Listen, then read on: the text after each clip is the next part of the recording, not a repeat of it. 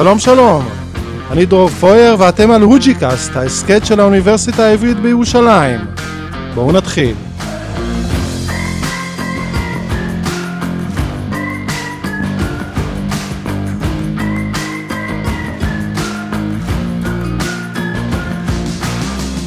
לאורח שלנו היום, פרופסור ערן פייטלסון מהפקולטה למדעי החברה, המחלקה לגיאוגרפיה, שלום לך. שלום וברכה. הפרק הזה, שאתה מתארח בו, הוא חלק מסדרה שלנו שאנחנו עושים על החורף שלנו, החורף הישראלי, הים תיכוני, הקצר, שהולך רק ומתקצר כל הזמן ומשנה את uh, פניו, נכון? Um, אנחנו מנסים uh, לבחון אותו מכל מיני צדדים, איך הוא משפיע על מצב הרוח שלנו, על סכסוכים לאומיים. ואיתך אנחנו רוצה לדבר על uh, חורף, או אפשר להגיד אקלים, או שינוי אקלים, uh, במובן של uh, תכנון סביבתי. אתה עוסק הרבה שנים, הקמת את בית הספר המתקדם ללימודי הסביבה, אתה עוסק בחקר מדיניות סביבתית, במדיניות מים, ניהול ותכנון של קרקע, מדיניות תחבורה. בנוסף לעבודה שלך באקדמיה, אתה גם איש שבא ומכיר טוב מאוד את עולם המעש, מה שנקרא, נכון? היית חבר בהמון אה, אה, ועדות אה, תכנון, תוכנית המתאר הארצית לקליטת עלייה בשנות התשעים היית שם, בישראל 2020 היית, ואתה אפילו יושב ראש מועצת גנים לאומיים ושמורות טבע. אתה בן אדם עסוק. נכון. אבל פינית בכל זאת זמן גם בשבילנו. בשמחה. נהדר. Uh, טוב, לפני שאנחנו, לפני שנגיע למצע, לתכנון העירוני בישראל היום וקדימה, בואו נעבור ככה בביש אה, יחסית מהיר על התכנון העירוני בישראל מקום המדינה, אם תרצה, ו- ועד היום. איפה אנחנו עומדים, מה עשינו, לאן הגענו. טוב, אנחנו התחלנו עם קום המדינה, גם כן היה לנו גל עלייה גדול, אה, שלא היה לנו אמצעים. כלומר, צריכים לזכור, המדינה של שנות החמישים, מדינה שאין לה בעצם אה, מקורות, נכון, היה צנע. כן. אנשים קיבלו פתקאות כדי לקנות דברים. אמ, גל העלייה נקלט במעברות, אה, שמעברות גם כן היו כן. להם רמות שונות, אה, כולל השלב שהגיעו לפחונים ואוהלים ובדונים, כי כבר נגמרו האוהלים של הצבא הבריטי וכן כן. הלאה. ואז אה, רצו לשכן אותם. כן. אז שיכנו אותם, בנו שיכונים לא באיכות גבוהה, המדינה לא היה לה כן. כסף, והיו לה מיליון בוא, עולים. בוא נעזוב את האיכות, בוא נדבר על יותר על התפיסה, על הפילוסופיה של התכנון. היה, כן. כבר גם אז היו, היו פערים. כלומר, התפיסה של התכנון אז, הייתה אה, התפיסה של הרייגנים.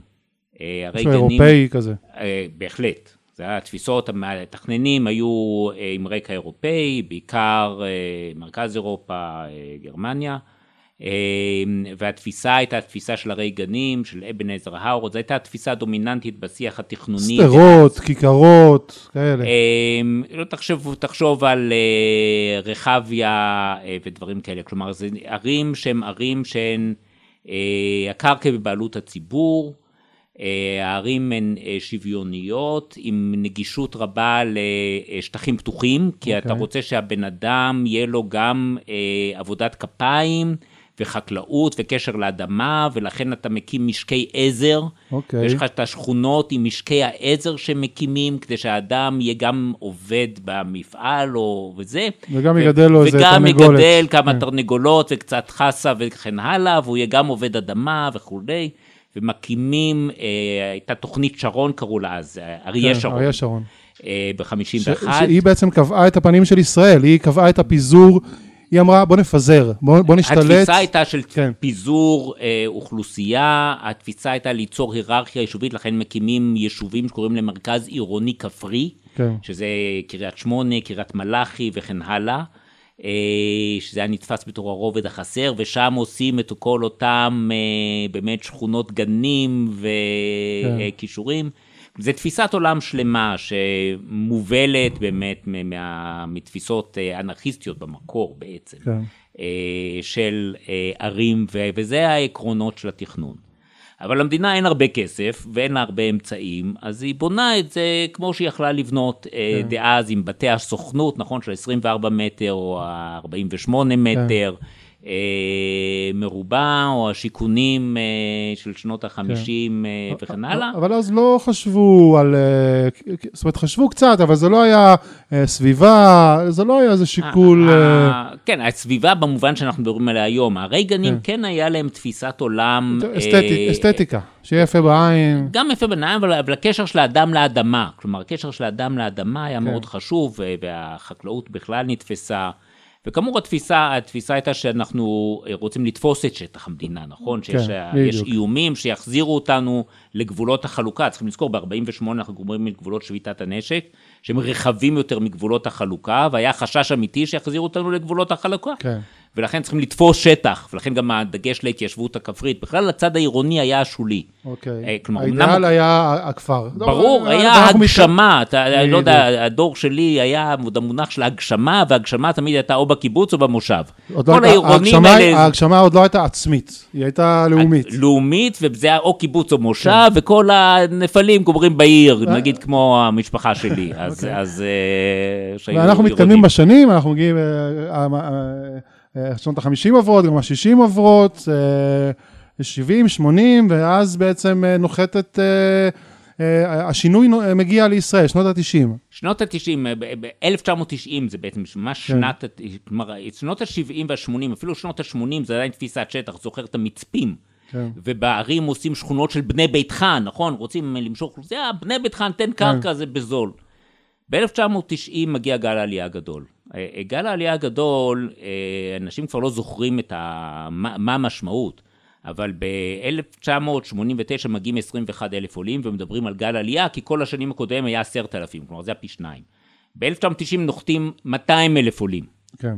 ב-1991 עוד 150 אלף עולים עם מלחמת המפרץ. כלומר, בחודש דצמבר 90, בחודש אחד נוחתים 30 אלף עולים. אף מדינה לא בנויה לדבר כזה. כן. בטח לא מדינה קטנה, זו מדינה של פחות מחמישה מיליון. ואז עושים את תמ"א 31.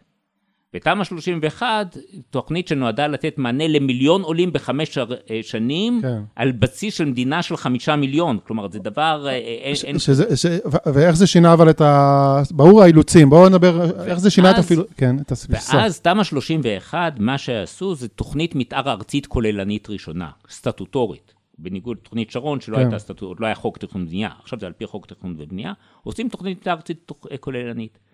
בצוות של תוכנית המתאר התמ"א 31, אה, בק- אני בדיוק הייתי מרצה צעיר, ביקשו ממני להצטרף בתור מתכנן סביבתי. פעם ראשונה שיש מתכנן סביבתי בתוך צוות התכנון. זאת אומרת, בשנות ה-90 זה בעצם הפעם הראש- הראשונה שהתחילו להכניס אה, סביבה... כן, לא, הסביבה התחילו כבר קודם, היה שירות לשמירת איכות הסביבה, שהוקם בשנות ה-70, היה במשרד הפנים, אה, ואז היו יועצים סביבתיים לוועדות מחוזיות, והתחילו תסקירי השפעה על הסביבה ודברים כאלה, בשנות, ב-82 זה אוקיי. הייתה תסקירי השפעה על הסביבה, אבל זה תמיד היה ריאקטיבי. כלומר, זה היה, יש תוכנית, בואו נראה מה ההשפעות הסביבתיות שלה וננסה למתן את ההשפעות הסביבתיות. זה בעצם היה דרך, זאת הייתה דרך השיבה. מה שקורה ב-1990 זה מבשיל, כלומר צריכים, המודעות הולכת וגדלה ומבשילה ההבנה שזה לא משהו שאתה רק צריך למתן את התוצאות, אלא זה נושא מרכזי. וזה קורה במקביל, יש גם יוזמה של ישראל 2020, ושם גם אה, עושים תרחישים, ומראים שתוך שנות דור, כלומר עד 2020, אה, המצב של ישראל ישתנה. כלומר, מאזור, שנגיד אזור המרכז יהיה שני שליש פתוח ושליש בנוי, הוא יהפוך הפוך, לשני שליש בנוי ושליש פתוח. ואז אנחנו מתחילים לדבר על שטחים פתוחים. כלומר, שיש לנו מחסור בשטח, כן. שקרקע זה לא משהו שאתה צריך להשתלט עליו ולתפוס אותו, אלא שאין לנו מספיק קרקע, ובקרקע גם זה, אה, כל פיתוח הוא, הוא בלתי אדיר, הוא, הוא לא רוורסבילי. כלומר, כן. אתה, פעם אתה פיתחת, שכונה, אז אה, היא זהו. שם, והיא שם כן. לעשרות שנים. כלומר, אנחנו היום, יש לנו שכונות עדיין משנות ה-50 שאף אחד לא רצה שהם יחזיקו מעמד מתפוררות 70 להן, שנה. אה, כן. הן מתפוררות כי לא בנו אותן ל-70 שנה, אבל מה שאנחנו בונים היום, יהיה קיים כנראה גם, אלא אם כן איזה קטסטרופה, יהיה בעוד 70 שנה או בעוד 100 שנה. אז אוקיי, אז בוא, בוא, בוא, אתה אומר בשנות ה-90, בוא נדלג נופל- להיום. נופל בשנות- האסימון. נופל האסימון, אבל אנחנו היום בשנת 2021, ואתה ואני וכל כל הישראלים מסתובבים בארץ, ומה הם רואים? מקריית שמונה ועד אה, שדרות ואופקים, אה, שכונות uh, חדשות, שכונות רפאים, שנראות אותו דבר, רק בונים, רק ממשיכים להתפרס, ממשיכים להתרחב. זאת אומרת, אז, נכון? אז, המחשבה פה... מה שקרה, זה עוד פעם, מה שאנחנו רואים היום שקורה, זה ההיסטריה שהתחילה ב-2008 סביב עליית מחירי הדיור. בניגוד לגל העלייה, שאז באמת באו אנשים, והיה צריך לספק להם פתרונות דיור. כן. מי שזוכר, היו מעלים בעמק המצלבה, כי אנשים לא היה להם דיור, היה בעיה אמיתית. עכשיו אין בעיה אמיתית של אה, יחידות דיור. מה שיש זה עלה, עלו המחירים כי שאר הריבית ירד. כן. אז, אז אה, יש לנו יותר רכישה ו, אה, וכן הלאה. ובמקביל ביטלנו את מדיניות השיכון. כלומר, בשנות ה-50 חשבו שצריכים לספק קורת גג, היום חושבים שהכל, כן, האידיאולוגיה כן. השתנתה. אנחנו בתקופה ניאו-ליברלית, שבהם, נכון, השוק יפתור, ולכן רק נגדיל את ההיצע. זאת אומרת, מה, שאנחנו, מה שאנחנו רואים בעצם, השכונות החדשות, הבניינים המפוארים, זה תוצאה של, של, אי, של, של, של הסירוב של המדינה לבנות בעצמה. נכון. ואז היא נותנת את זה לשוק הפרטי, ובשביל שהשוק הפרטי יהיה לו שווה, הוא צריך את השטח. הוא לא יבנה, הוא לא יחדש את, הבס, את העיר הישנה של קריית מלאכי, סתם לצורך העניין, אלא הוא יבנה בצידה, נכון? נכון. וככה, כי... וככה המעשה הולך ומתרחק מהצרכים ומהחשיבה. בהחלט, כלומר, התפיסה היום היא, נכון, אה, אה, בגישה הכלכלית אה, של האוצר, זה בגישה מאוד פשטנית, כן. שבתים זה כמו נעליים, זה מוצר, ולכן אם נגדיל את ההיצע, המחיר ירד. ואם צריכים להגדיל את ההיצע, אז בואו נקצר תהליכי תכנון, נכון? כן. אז זה ותמ"ל, וקודם זה הוול"ל וותמ"ל וכן הלאה. נקצר תהליכי תכנון, נפשיר קרקעות ו- כן. ונבנה. ואז אתה באמת עושה איזה מפשיר קרקעות כאלה, ויש לך, אה, אתה מתכנן 15 אלף יחידות דיור בקריית אתא או משהו כזה. כן. עכשיו במספרים כאלה, כשאתה גם רוצה לחסוך בתעריף האדריכלים, נכון? כי אתה רוצה שהם לא... אה, אז, אז אתה רוצה לחסוך בתקציב המדינה, אז התוצאה שאתה עושה copy-paste. כלומר, אז עושים שכונות copy-paste, copy-paste, copy-paste. הכל נראה אותו דבר. וזה נראה אותו מדכא, דבר, כן. וזה פוגע בשטחים פתוחים, וזה פוגע בחקלאות, ועשינו כן. עבודה על זה. אה, אנחנו אה, עשינו עבודה גדולה על זה, שהראינו את ההיקף שזה פוגע, וזה פוגע. וזה סותר גם הרבה פעמים את התכנון הקיים, נגיד יש לך עיר כמו חדרה, שיש בה הרבה מאוד קרקע פרטית, כן. שאפשר לבנות, והיא רוצה להתכנס פנימה, ואז בא הוותמ"ל ואומר, לא, יש לי קרקע מדינה מחוץ לחדרה, מסביב, אז תלכו לכיוון ההפוך ממה שהתכנון רוצה, ונקדם שם תוכנית ותמ"לית. כן. אז הדברים האלה אה, משפריצים פה יחידות דיור, כלומר, אנחנו היום עומדים, על פי העבודה שלנו, מעל 800 אלף יחידות דיור מתוכננות. וואו. עכשיו, הקצב הבינוי הוא באזור 50 אלף יחידות דיור בשנה. כלומר, שזה לא גם הביקוש, פחות או יותר הקשיח, פלוס מינוס. שזה כנראה מאזן פחות או יותר, כן. אה, יגדל קצת יותר, אבל אנחנו לא, אבל 800 אלף יחידות דיור זה מטורף. זה, זה מטורף. זאת אומרת, עכשיו, אנחנו בתכנון יתר, אנחנו בתכנון יתר, יתר על יתר כבר. אנחנו ביתר על יתר בתכנון. כן. היתר היתר על זה בתכנון אומר שהתוכניות שאנחנו עושים היום, התוכניות האלה יהיו מיושנות ביום שיגיע פרקן. עכשיו, כי מה קורה בינתיים? גם החשיבה משתנה. שנייה, לפני שנגיע לחשיבה שמשתנה, אה, אני רוצה להחזיר אותנו לחורף הישראלי, נכון? אז אנחנו, איפה אנחנו מרגישים את התכנון יתר הזה ואת הבנייה הלא מתחשבת הזאתי בסביבה? אנחנו מרגישים את זה בעצם בהצפות שחוזרות ונשנות, נכון? אנחנו חווים את זה בבנייה אה, שמונעת מהמים לחלחל לאדמה, אם אתה יכול אה, לחבר את התכנון יתר לתכנון חסר הסביבתי? מה שקורה זה, קורים לנו שני תהליכים, הרי אחד זה שינוי האקלים, כלומר שאנחנו מדברים כן. היום על יותר אירועי קיצון, שזה מצד אחד בצורות, ומצד שני זה, הצפ... זה כן. אה, יותר משקעים כן. בזמנים קצרים. הדבר השני זה באמת כיסוי השטח באספלט, שהוא היותר מיידי. אנחנו צריכים לזכור שכשאנחנו מדברים על השכונות, זה לא רק שכונות, אנחנו גם צריכים תשתיות. כבישים, בטח. אה, אה, כבישים וכדומה, וכל זה זה אטימת שטח. כלומר, אנחנו אוטמים את השטח, ואז אנחנו מגבירים את הנגר העילי, מגבירים את ההצפות. אה, ואנחנו רואים יותר אירועי אה, הצפות. וזה נזק כפול, נכון? זאת אומרת, זה גם ההצפה עצמה והנזקים שלה, וגם העובדה שהמים לא, מג... לא מחלחלים לאיפה שאמורים לחלחל, לאקוויפר או לזה, ולנחלים. וככה כן. אנחנו נסבול מזה אנחנו סובלים במעגל מזה. השני. אנחנו כן. סובלים מזה, כן, וברור ברור שזה עולה. עכשיו, היום כבר מתחילים להיות מודעים לזה. למשל, מנהל התכנון עכשיו הוציא הנחיות למה שאנחנו קוראים תכנון רגיש למים. עכשיו, תכנון רגיש למים, כבר אנחנו מדברים על זה כבר 20 שנה. היום מינהל התכנון מתחיל להוציא הנחיות בנושא, אבל השכונות האלה שתוכננו, הם כבר... אה, הן כבר כבר מתוכננות, כן. הן לא לפי ההנחיות החדשות, הן לפי מה שנעשה. עכשיו, כן. התכנון יתר הזה, אף אחד, מי יפתח עכשיו תוכנית ויגיד, אופס, בואו נעשה תכנון מחדש, כי התפיסות שלנו השתנו. זאת אומרת, המתכננים, עולם התכנון והחשיבה הסביבתית, הוא עובר מ... הוא מתפתח, הוא עובר משמירת טבע לשטחים ירוקים, משטחים ירוקים לקיימות, מקיימות לבר קיימא, מבר קיימא לשלמות, נכון? ובכל הזמן הזה התכנון והפקידות כמעט, או לא, אני לא אגיד כמעט לא זזים, אלא זזים בקצב הרבה יותר איטי. כן, יש פער גדול פער, בין ה- החשיבה התכנונית לבין הפרקטיקה התכנונית. כי כן. הפרקטיקה התכנונית, כאמור, בסופו של יום, אם אתה בעל משרד אה, תכנון, אתה צריך להתפרנס. אומרים לך, יש לך תעריף כזה וכזה, כי, כי זה התעריפים הממשלתיים, אתה צריך לתכנן 5,000 יחידות דיור.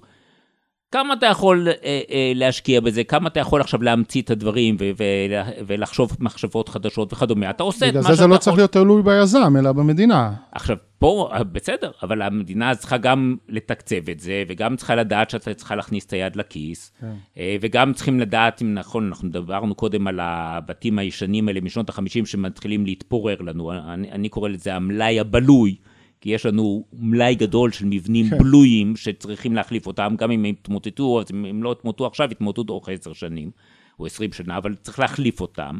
עכשיו, לזה צריך להשקיע.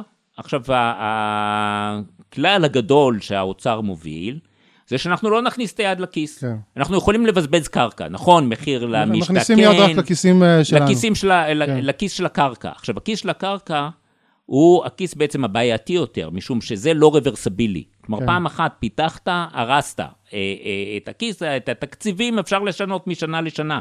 את הקרקע לא, אבל, כן. אבל את הקרקע לא רואים. ב, אה, נכון, בגירעון, כלומר כשעושים את, את, את הגירעון, אז הגירעון, הקרקע לא מופיעה בגירעון, נהדר, כן. אפשר לבזבז קרקע כדי, לא, כדי לחסוך בתקציב מדינה שנתי. אז מתוך שיקולים קצרי טווח, דוחפים את, בעצם את הפיתוח ה, הזה מבחוץ כן. לשטח המיושב. אה, ואת זה עושים מהר מהר, כי רוצים לדחוף מהר, אז עושים תכנון יתר. והתכנון יתר הזה, הוא, הוא ברור שהוא לא יכול, הוא לא יעמוד בתקנים ובדרישות של היום שבו נרצה כן. לבנות את זה באמת. אה, ועד, ובינתיים אה, אנחנו מודעים כבר לבעיות, כלומר יש פער גדול בין זה שאנחנו מודעים לבעיות. בדיוק, כל, כל, ה, כל הדבר הזה הוא פשוט אה, מראה לנו פער עצום בין הידע שלנו על הבעיות לבין היכולת שלנו, או הנכונות שלנו לפתור אותן. בין האקדמיה לשטח, בין, ה, בין הממשלה, אתה מבין? יש פה פערים שהם, אה, איך אתה מסביר אותם? הרי, הפערים- הרי הדורות השתנו גם בתכנון, גם אצל המתכננים וגם אצל האוצר, זאת אומרת, בשניהם יושבים אנשים שמבינים כן, את אז- האקלים. אז בתכנון, כאמור, זה זז קצת יותר מהר, כי בכל כן. זאת אנשים, זה מה שהם עוסקים. באוצר, אה, מי שגומר כלכלה לא בהכרח, בהכרח מבין את זה. נכון שגם באוצר חל שינוי. כלומר, הדור הנוכחי באוצר יותר מודע מסביבתי, נגיד, מאשר דורות אה, כן. קודמים. אבל לתרגם את זה בסוף, אה, בסופו של דבר ולהבין שאנחנו צריכים לשים את היד בכיס, כי אם אתה רוצה התחדשות עירונית, אז למשל כשהיה החוק, ל... כשהביאו את החוק של הרשות להתחדשות עירונית, אה, אז בכנסת השלטון המקומי, והייתי שם, אז אני, כן. אני מדבר מכלי ראשון, הציע שיקימו קרן להתחדשות עירונית בשיעור של 4% מתקבולי רשות מקרקעי ישראל. אה, יש קרן לשטחים פתוחים שזה אחוז אחד, יהיה 4% להתחדשות עירונית. האוצר פסל, הפיל את זה, אמר אנחנו נתקצב, עד היום הקרן לא קמה, התקצוב לא קיים, כן. והתחדשות עירונית תהיה איפה שזה כדאי, אז בהתחדשות עירונית ברמת גן, נגיד שזה התחדשות, זה לא בדיוק כן. התחדשות, אה, בינוי אה, אינטנסיבי ברמת גן ובצפון תל אביב וכדומה, ועוד כמה מקומות, אבל טבריה, כן. בית שאן, אה, שם, אה, שם זה לעולם לא יהיה כלכלי. זה לא יהיה לעולם כלכלי, כן. ורעידות האדמה יהיו שם, אה, וההרס יהיה שם, אבל, ואז גם, נכון, עושים טלאי כזה שקוראים לו תמ"א 38, כן. שזה דרך של המדינה להתנער מאחריותה ל- לשלום אזרחיה. לבד, כן. כן, זה, זה השוק יעשה והמדינה מתנערת, כי אומרת יש תמ"א 38, אז לא צריכים לעשות שום דבר, אז זה איך שהמדינה מתנערת מאחריותה בעצם ל- לאזרחיה. זה בעצם מה שקורה כן. אה, בתמונה, וזאת בעיה של האידיאולוגיה. כלומר, תפיסת העולם, שאנחנו רוצים משק סגור, והמדינה לא צריכה לדאוג לקורת גג, המדינה לא צריכה לדאוג להגנה מפני רעידות אדמה, כי אנחנו נמצא פטנטים שהשוק יעשה את זה. השוק לא יעשה את זה, יש פה כשל שוק. כן. כל נושא הבינוי והדיור הוא לא דבר שהשוק יכול לפתור בעצמו. אפשר להיעזר במנגנוני שוק, כן. אבל הם לא תחליף. לפעולה של הממשלה, רוצים, ופה יש כשל. נכון, אנחנו רוצים, אבל אה, הכשל הוא כל כך רחב, אנחנו מנסים להתמקד רק במסדרון אחד של הכשל, והוא המסדרון הסביבתי, אה, אקלימי, או, או איך שתקרא לזה. הבנתי שאתה עכשיו גם אה, מעורב במה שנקרא ישראל 100, נכון? עוד מעט אנחנו... 100 שנה למדינת ישראל, עוד שנות דור. זה הרעיון. יהיו פה כמה? 15 מיליון? 17 מיליון אנשים? כן, מי יודע? כן, סדרי גודל כאלה. עוד כך וכך יחידות דיור, עוד כך וכך כבישים. עוד כך וכך אקלים אה, סערות ובצורות ושיטפונות. מה, מה, קדים, איך אתם דואגים שמשהו אה, אה, ישתפר קדימה? אפילו ברמה הטכנית. מה אתה אומר ליזם? תעשה ככה וככה, אל תעשה את זה ואת זה. ספר לי כן. קצת על המנגנון. כן, אז ישראל 100, קודם כל זה פרויקט באמת שמובל מהאקדמיה. גם ישראל 2020 בזמנו, כי דרך אגב הובלה מהאקדמיה. כן. והרעיון הוא בעצם לפתח מתודולוגיות של תכנון. כלומר, זה לא לעשות תוכנית. אה, כי, אנחנו, כי כאמור, אנחנו, אה, זה עוד שנות דור, כן. אנחנו לא עושים פה עוד תוכנית, אלא מפתחים מתודולוגיות. אחת המתודולוגיות, למשל, שאנחנו מפתחים, אה, זה הנושא של קווים אדומים. כלומר, אנחנו אומרים, כי זה נובע מתוך תפיסה של פיתוח בר קיימא, שאתה לא יכול להגדיר מה זה כן, אתה יכול להגדיר מה זה לא. כלומר, אתה יכול להגיד, מה שמזיק אתה כבר יודע בטוח. קל יותר להגדיר, אנחנו רגילים לחשוב נגטיבית, זה לא נעים להגיד את זה, אנחנו כן. תמיד אומרים, צריכים להיות מובלים על ידי חזון וכדומה, אבל אנחנו אה, פועלים נגטיבית. כן. כלומר, כשאתה אומר, אם יהיה לי הרבה דרי רחוב, למשל, זה לא בר קיימא. אה, אם אה, המערכות הטבעיות, האקוואטיות, נגיד, יחוסלו, לא יהיו יותר נחלים זורמים, זה לא בר קיימא. כלומר, כן. אני יכול להגיד... להגדיר יחסית, ויתר על כן, אני לא צריך לאזן, כלומר, כי הבעיה הגדולה בקיימות, כלומר, אנחנו מדברים הרי על חברה, כלכלה, סביבה, אז מה האיזון ביניהם? טוב, זה שאלות אידיאולוגיות, נכון? אה, כן. יש ירוקים, יש ניאו-ליברלים וכדומה, אבל להסכים על זה שלא יהיה לי דרי רחוב, קל להגיע להסכמה, כן. נכון? גם ניאו-ליברלים יכולים להבין. זה כמו ממשלת השינוי, מסכימים על מה שקל. ומה שמסובך אז, ויקר אז, וזה, אז עוזבים. היום, אבל זה, זה היום התפיסה בעולם של קיימות, כן. אנחנו עוברים לתפיסה בעצם שאנחנו מגדירים בדרך השלילה. כלומר, זה התחיל ב planetary boundaries, נכון, הגבולות העולמיים, ואחר כן. כך עברו, היום זו doughnut economics שהיום מדברים עליהם, שמדברים שיש לנו גם סף חברתי, כלומר, נגיד, העובדה שאתה רוצה שאנשים, יהיה להם קורת גג. אז או שאנשים, יהיה להם אה, שטחים פתוחים שהם יכולים לצאת אליהם במרחק של 15 דקות או משהו כזה. כן. אז, אז אנחנו יכולים, אז אנחנו עובדים על, על הדאבל נגטיב הזה, כלומר על השלילה הכפולה, שפיתוח בר קיימא הוא פיתוח שאינו פיתוח שאינו בר קיימא. אז זה הכיוונים שאנחנו מובילים שם, ואנחנו מפתחים את המתודה איך לעשות את זה. סיפרת לי, חלק מהמתודה, סיפרת לי שעכשיו אתם, אנחנו גם נסיים עם זה, נראה לי, שאתם עכשיו, אתה מקדם תוכנית חדשה לתכנון סביבתי, נכון? זה בעצם עוד ש... ניסיון לייצר מהנדס, אה, מתכננים אה, סביבתיים יותר. אה, מה שקורה זה, התחום של תכנון סביבתי הוא תחום חדש. כן. כלומר, אז אנחנו היום מכשירים, גם באוניברסיטה העברית, טכניון, אנחנו מכשירים מתכנני ערים. אנחנו אומרים עכשיו, מתכנן סביבתי זה כבר התמחות שהיא לא זהה לתכנון ערים, ולכן אנחנו עכשיו מתחילים לקדם רעיון לתוכנית שתכשיר מתכננים סביבתיים פר סה, כי היום בעצם בכל תוכנית גדולה יש לך מתכננים סביבתיים.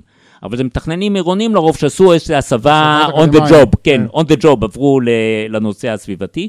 אה, ואנחנו אומרים, את התכנון הסביבתי עכשיו צריכים לבנות אותו כתוכנית, ואנחנו עכשיו מקדמים רעיון, זה עוד לא אושר, זה עוד צריכים לקדם, אבל אנחנו מקדמים היום רעיון לתוכנית, שהיא תהיה תוכנית למתכננים סביבתיים, כדי להכשיר אנשים אה. שזה יהיה בעצם הפרופסיה שלהם. הם יהיו מתכננים לכל עניין דבר, אבל הם התמקדו, באמת התמחו בתחום הסביבתי. טוב, חשוב מאוד, אנחנו מקווים מאוד שזה לפחות אה, יעזור לצמצם את הפער, כי אמרת פה כמה דברים, אה, השארת, אותי ככה בתחושה לא הכי אופטימית לגבי ההסתכלות הסביבתית ארוכת הטווח במדינת ישראל, אבל כנראה שזה מה יש. בכל מקרה... כן, לא, דבר אחרון, סטודנטים זה אלה שיעשו את השינוי. בדיוק. כלומר, בסופו של יום, אנחנו מכשירים את הדור הבא. אה, וגם השינויים שכבר חלו זה בזכות הכשרה שנעשתה, והיום כשאנחנו באמת מכשירים את הדור הבא, כדי שבכל המקומות כן. באמת הדברים ייראו אה, אחרת, והסטודנטים זה העתיד. הלוואי. פרופסור פייטלסון, תודה רבה שבאת. על עוד דבר. היה מעניין מאוד. להתראות. להתראות. זה היה עוד פרק של הוג'יקאסט, ההסכת של האוניברסיטה העברית בירושלים. אני הייתי דרור פרויר, קיריל גיא ורונסקי על הסאונד, הפקה ועריכה מורתם. ניפגש בפרקים הבאים.